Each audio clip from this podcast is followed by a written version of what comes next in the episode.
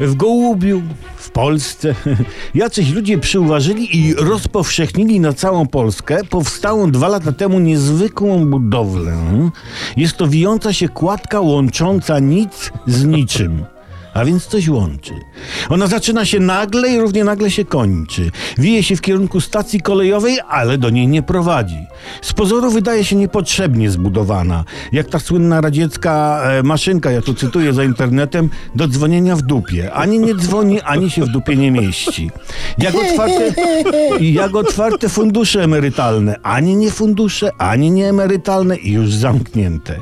Jak licznik Geigera w pracowni fizycznej w mojej szkole, do której uczęszczałem, który rejestrował drgania własne.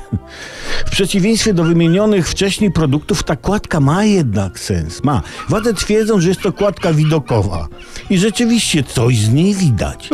I jest to kładka refleksyjna, symboliczna. Jest to fizyczny model wszechświata, jakim go nie znamy i poznać nie chcemy, choć chcielibyśmy.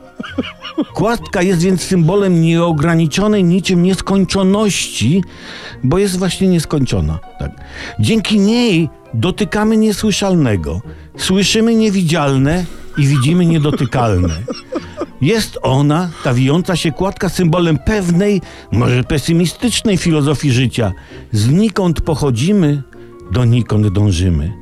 A wijący się kształt kładki nastrajał ważnego obserwatora do refleksji, że życie nie jest proste, jest pokręcone jak ta kładka.